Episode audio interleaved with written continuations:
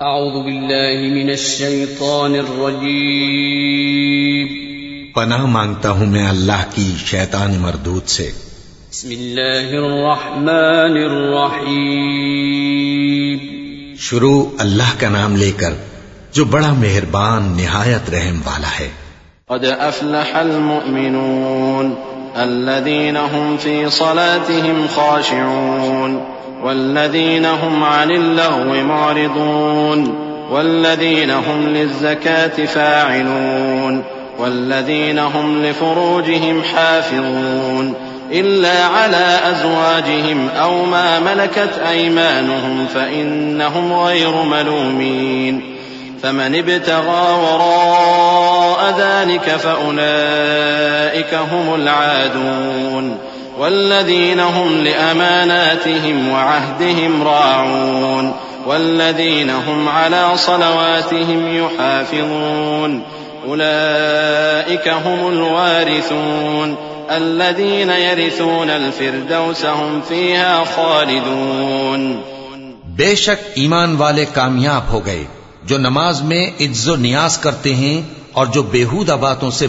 مو موڑے رہتے ہیں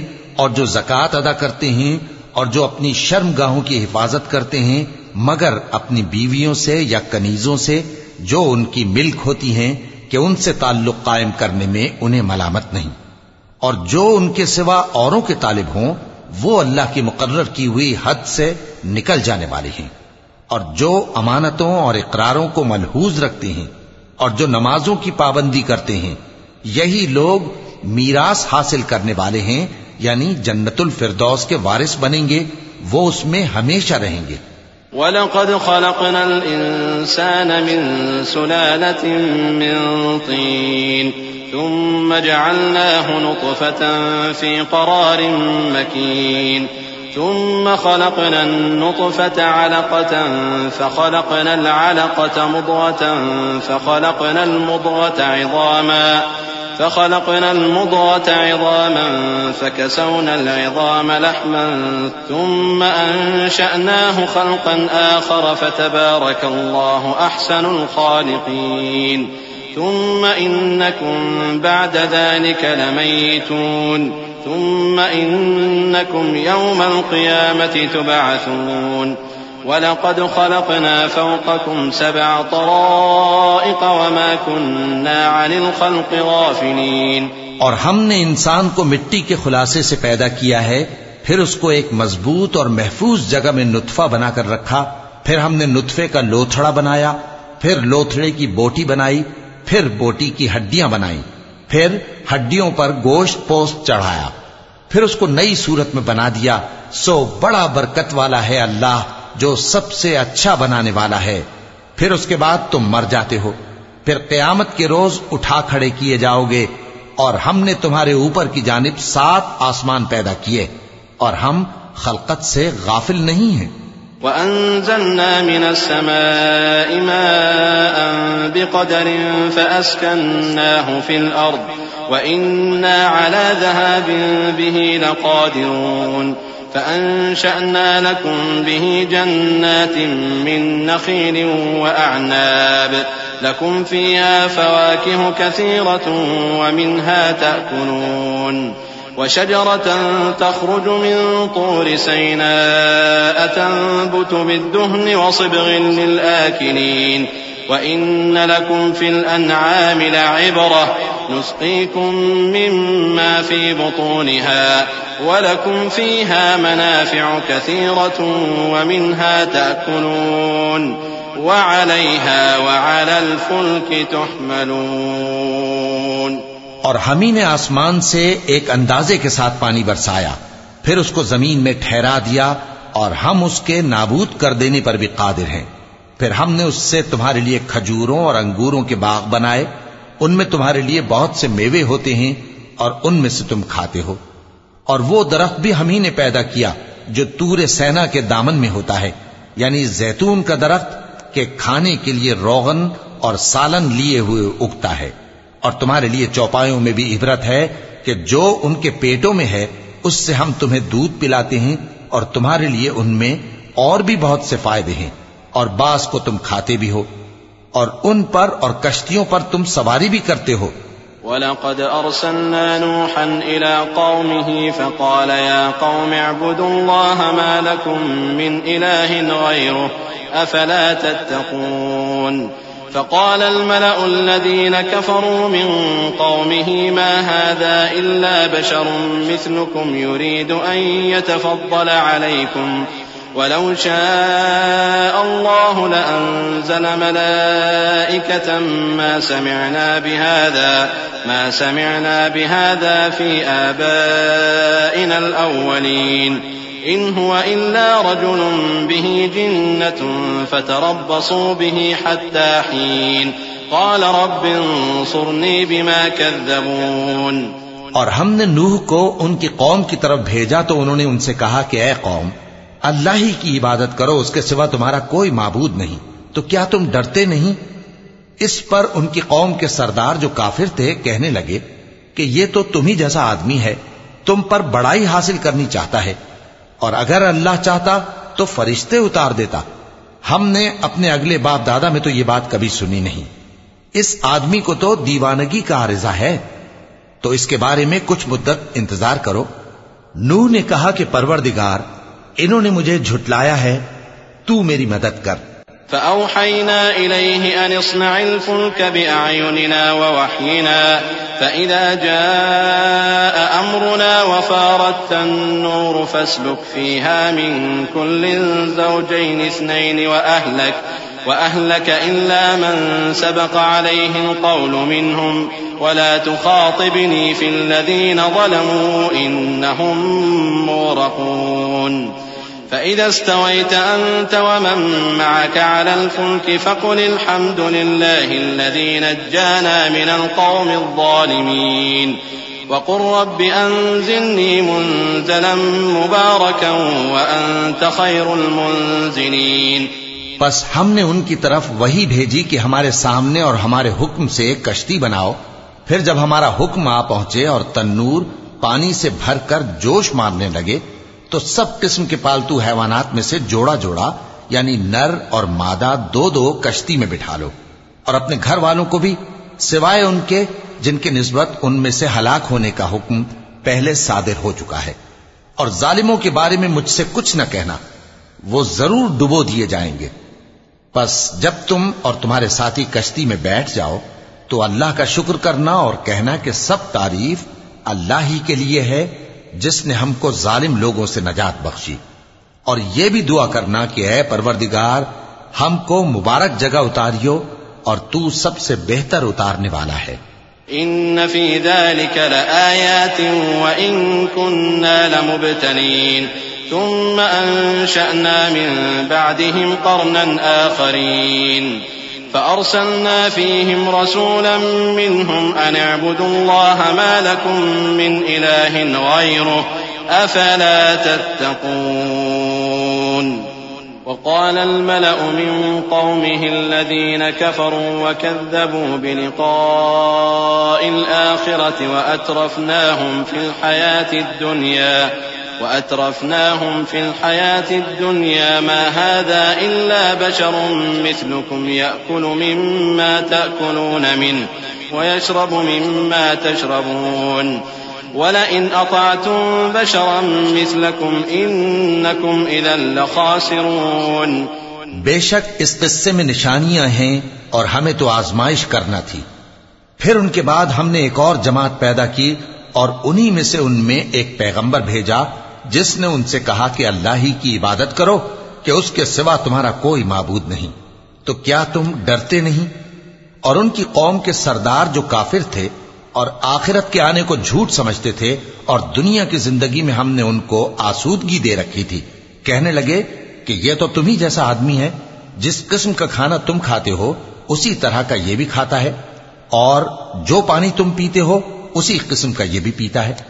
اور اگر تم نے اپنے ہی جیسے آدمی کا کہا مان لیا تب تو تم گھاٹے میں پڑ گئے أيعدكم أنكم إذا متم وكنتم ترابا أعظاما أنكم مخرجون هيهات هيهات لما توعدون إن هي إلا حياتنا الدنيا نموت ونحيا وما نحن بمبعوثين إن هو إلا رجل افترى على الله كذبا وما نحن له بمؤمنين. قال رب انصرني بما كذبون. قال عما قليل ليصبحن نادمين. فأخذتهم الصيحة بالحق فجعلناهم غثاء فبعدا للقوم الظالمين. کیا یہ تم سے یہ کہتا ہے کہ جب تم مر جاؤ گے اور مٹی ہو جاؤ گے اور ہڈیوں کے سوا کچھ نہ رہے گا، تو تم زمین سے نکالے جاؤ گے۔ جس بات کا تم سے وعدہ کیا جاتا ہے، بہت بعید اور بہت بعید ہے۔ زندگی تو یہی ہماری دنیا کی زندگی ہے کہ اسی میں ہم مرتے اور جیتے ہیں اور ہم پھر نہیں اٹھائے جائیں گے۔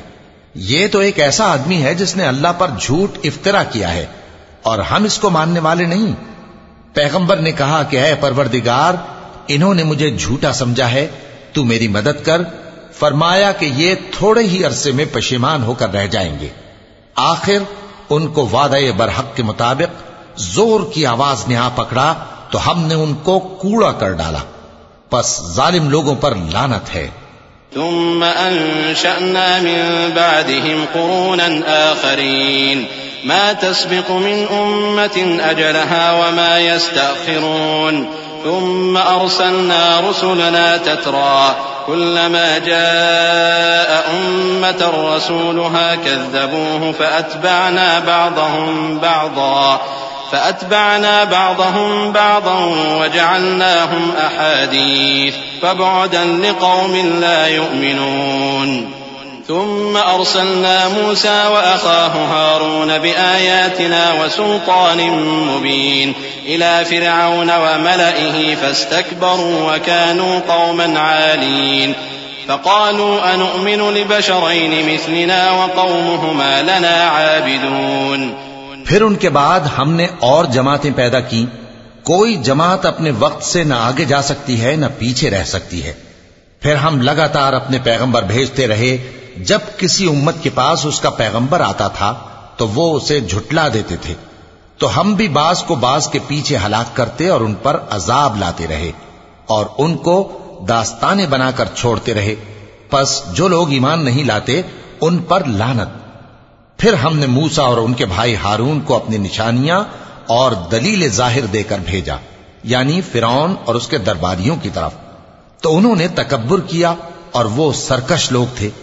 کہنے لگے، کیا ہم ان اپنے جیسے دو آدمیوں پر ایمان لے آئیں؟ جبکہ ان کی قوم کے لوگ ہمارے خدمتگار ہیں۔ فكذبوهما فكانوا من المهلكين۔ ولقد آتينا موسى الكتاب لعلهم يهتدون۔ وجعلنا ابن مريم وأمه آية وآويناهما إلى ربوة ذات قرار ومعين۔ يا أيها الرسل كلوا من الطيبات واعملوا صالحا إني بما تعملون عليم تو ان لوگوں نے ان کی تکذیب کی، سو آخر ہلاک کر دیے گئے۔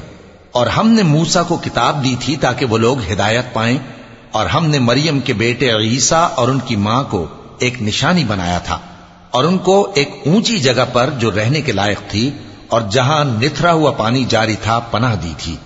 اے پیغمبرو، پاکیزہ چیزیں کھاؤ اور عمل نیک کرو۔ جو عمل تم کرتے ہو، میں ان سے واقف ہوں۔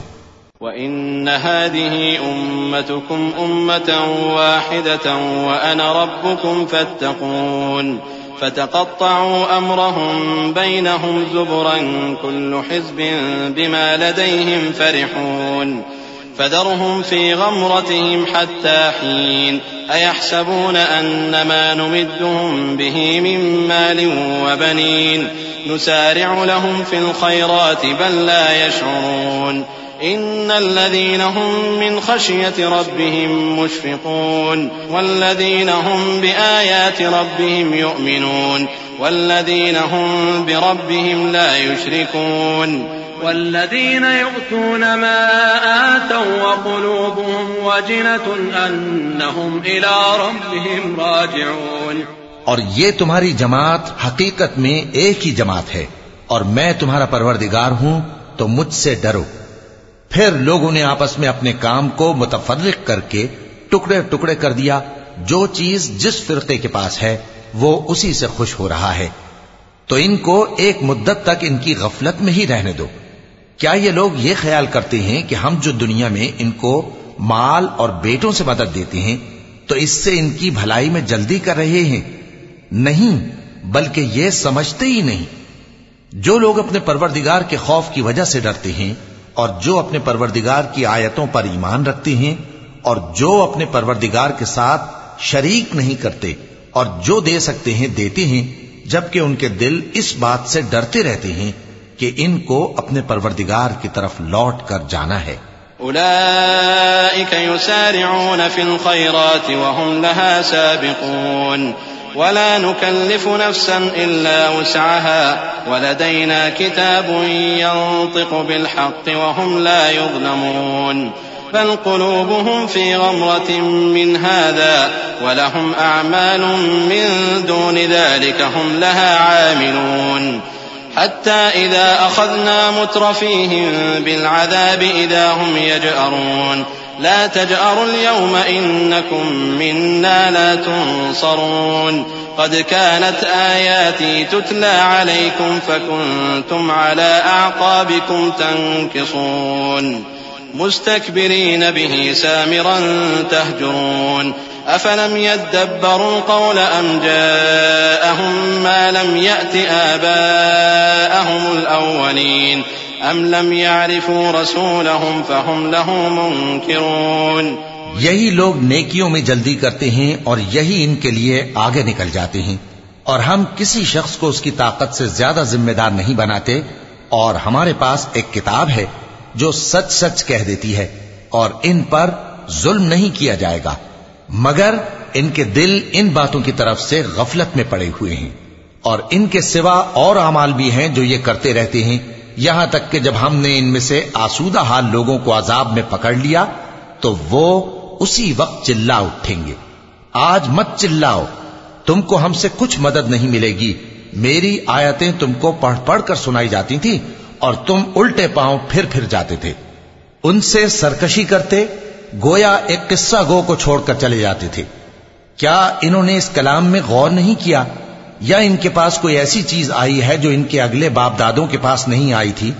یا یہ اپنے پیغمبر کو جانتے پہچانتے نہیں، اس وجہ سے ان کو نہیں مانتے؟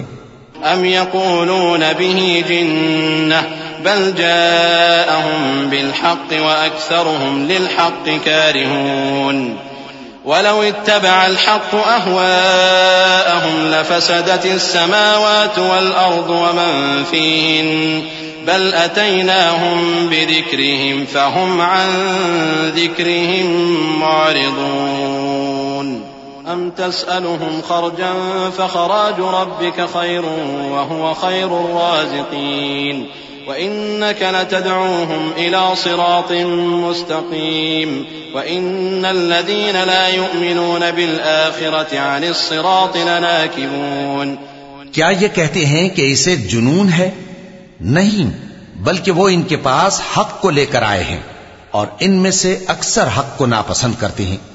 اور اگر معبود برحق ان کی خواہشوں پر چلنے لگے تو آسمان اور زمین اور جو ان میں ہیں سب درہم برہم ہو جائیں۔ بلکہ ہم نے ان کے پاس ان کی نصیحت کی کتاب پہنچا دی ہے اور یہ اپنی کتاب نصیحت سے منہ پھیر رہے ہیں۔ کیا تم ان سے تبلیغ کے سلے میں کچھ مال مانگتے ہو؟ تو تمہارے پروردگار کا دیا ہوا مال بہت اچھا ہے اور وہ سب سے بہتر رزق دینے والا ہے۔ اور تم تو ان کو سیدھے راستے کی طرف بلاتے ہو۔ اور جو لوگ آخرت پر ایمان نہیں لاتے، وہ رستے سے الگ ہو رہے ہیں۔ ولو رحمناهم وكشفنا ما بهم من ضر لنجوا في طغيانهم يعمهون. ولقد أخذناهم بالعذاب فما استكانوا لربهم وما يتضرعون. حتى إذا فتحنا عليهم بابا ذا عذاب شديد. ذا عذاب شديد إذا هم فيه مبلسون. وهو الذي أنشأ لكم السمع والأبصار والأفئدة قليلا ما تشكرون. وهو الذي ذرأكم في الأرض وإليه تحشرون. وهو الذي يحيي ويميت وله اختلاف الليل والنهار. أفلا تعقلون؟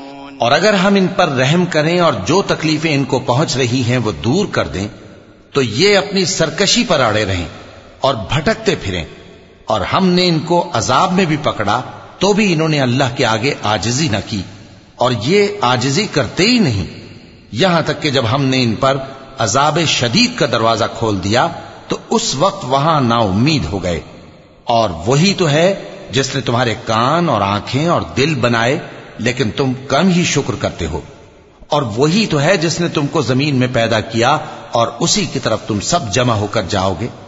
اور وہی ہے جو زندگی بخشتا اور موت دیتا ہے اور رات اور دن کا بدلتے رہنا اسی کا تصرف ہے۔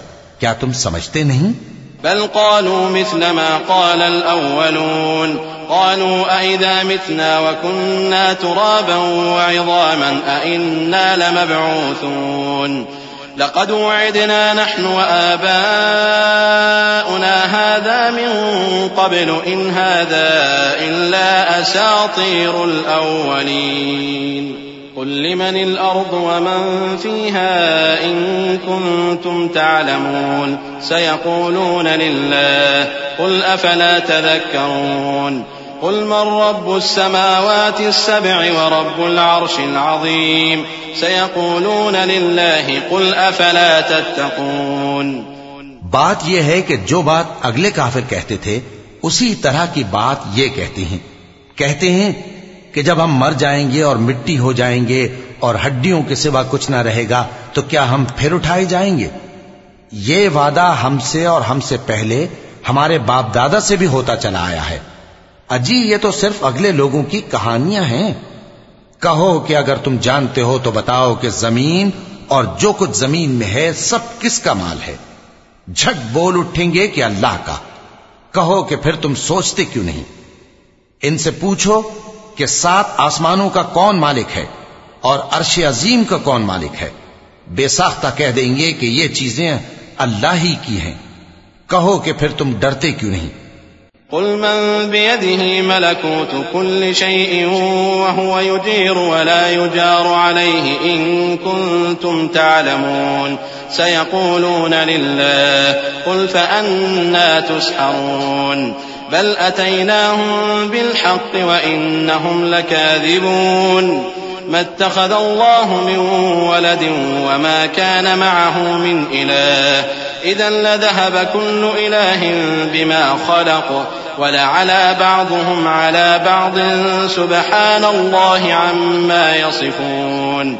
عالم الغيب والشهادة فتعالى عما يشركون.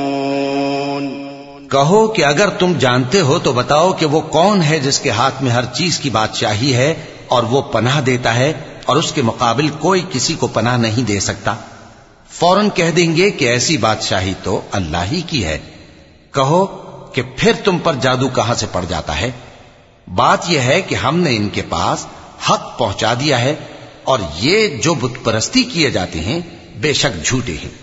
اللہ نے نہ تو کسی کو اپنا بیٹا بنایا ہے اور نہ اس کے ساتھ کوئی اور معبود ہے۔ ایسا ہوتا تو ہر معبود اپنی اپنی مخلوقات کو لے کر چل دیتا اور ایک دوسرے پر چڑھ دوڑتا۔ یہ لوگ جو کچھ اللہ کے بارے میں بیان کرتے ہیں، اللہ اس سے پاک ہے۔ وہ پوشیدہ اور ظاہر کو جانتا ہے اور مشرق جو اس کے ساتھ شریک ٹھہراتے ہیں، اس کی شان اس سے بلند ہے۔ قل رب إما تريني ما يوعدون رب فلا تجعلني في القوم الظالمين وإنا على أن نريك ما نعدهم لقادرون ادفع بالتي هي أحسن السيئة نحن أعلم بما يصفون وقل رب أعوذ بك من همزات الشياطين وأعوذ بك رب أن يحضرون اے نبی کہو کہ اے پروردگار، جس عذاب کا ان کفار سے وعدہ ہوا ہے، اگر تو میری زندگی میں ان پر نازل کر کے مجھے بھی دکھائے، تو اے پروردگار، مجھے اس سے محفوظ رکھیو اور ان ظالموں میں شامل نہ کیجو۔ اور جو وعدہ ہم ان سے کر رہے ہیں، ہم تم کو دکھا کر ان پر نازل کرنے پر قادر ہیں۔ اور بری بات کے جواب میں ایسی بات کہو جو نہایت اچھی ہو۔ اور یہ جو کچھ بیان کرتے ہیں، ہمیں خوب معلوم ہے۔ اور کہو کہ اے پروردگار، میں شیطانوں کے وسوسوں سے تیری پناہ مانگتا ہوں۔ اور اے پروردگار، اس سے بھی تیری پناہ مانگتا ہوں کہ وہ میرے پاس آ موجود ہوں۔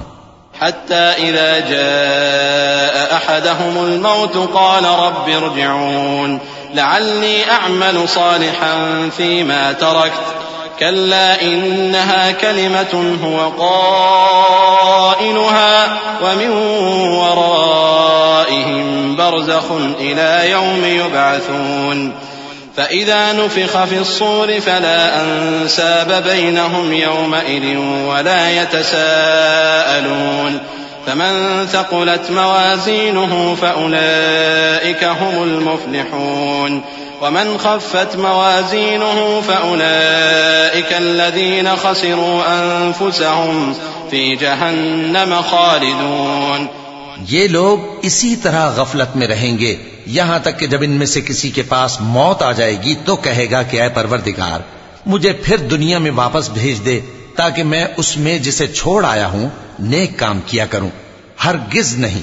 یہ ایک ایسی بات ہے کہ وہ اسے زبان سے کہہ رہا ہوگا اور اس کے ساتھ عمل نہیں ہوگا۔ اور ان کے پیچھے برزخ ہے، جہاں وہ اس دن تک کہ دوبارہ اٹھائے جائیں گے، رہیں گے۔